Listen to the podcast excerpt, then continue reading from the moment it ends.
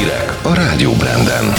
Joe Biden visszavonja a TikTok törvényt, öt emeletes ház dölt össze Dél-Koreában. Megszavazták az uniós Covid igazolványt, üdvözlöm Önöket, én Varga Zalán vagyok. Joe Biden visszavonja Trump korábbi rendeletét, amelyen lényegében kitiltotta volna az USA-ból a kínai fejlesztésű TikTokot és a WeChat-et, írja a BBC.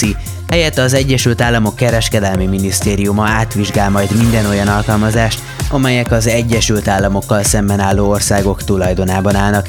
Ide tartoznak a kínai fejlesztésű appok is. Biden azt szeretné, hogy bizonyítékkal tudjanak alátámasztani egy esetleges kitiltást.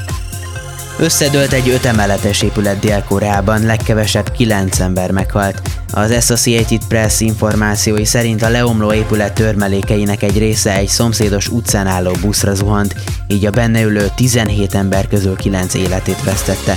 A roncsok közül 8 túlélőt sikerült kiszabadítani, a hivatalos közlés szerint mindannyian súlyosan megsérültek, a busz vezetője is köztük van.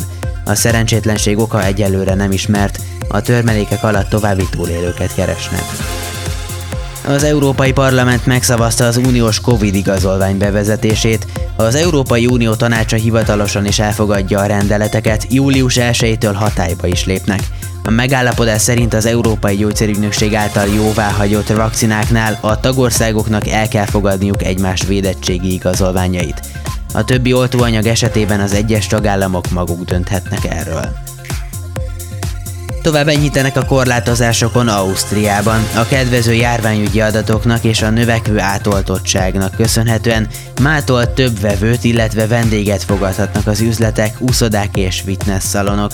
Az osztrák vendéglők éttermek belső helyiségeiben 4 helyet 8-an, a teraszokon 10 helyet 16-an ülhetnek egy asztalhoz, és az eddigi este 10 helyet évkelkor lesz záróra. Oltóbuszokkal gyorsítják fel a kampányt Horvátországban. A zágrábi kormány azután döntött így, hogy bár nagy mennyiségű vakcina áll rendelkezésre, egyre kevesebben kérik az oltást. Olyan helyekre telepítik a mobil oltóállomásokat, ahol a közelben nincs egészségügyi intézmény. A valamivel több mint 4 milliós Horvátországban eddig 1 millió 350 ezeren kaptak védőoltást, közülük 590 ezeren vannak túl a második körön is.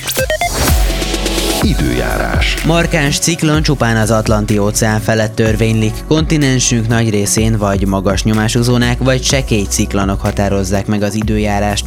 Előbbiek szinte zavartalan napsütést biztosítanak, utóbbiak területén azonban labilisabb a levegő, így lokális záporok, zivatarok is kialakulhatnak.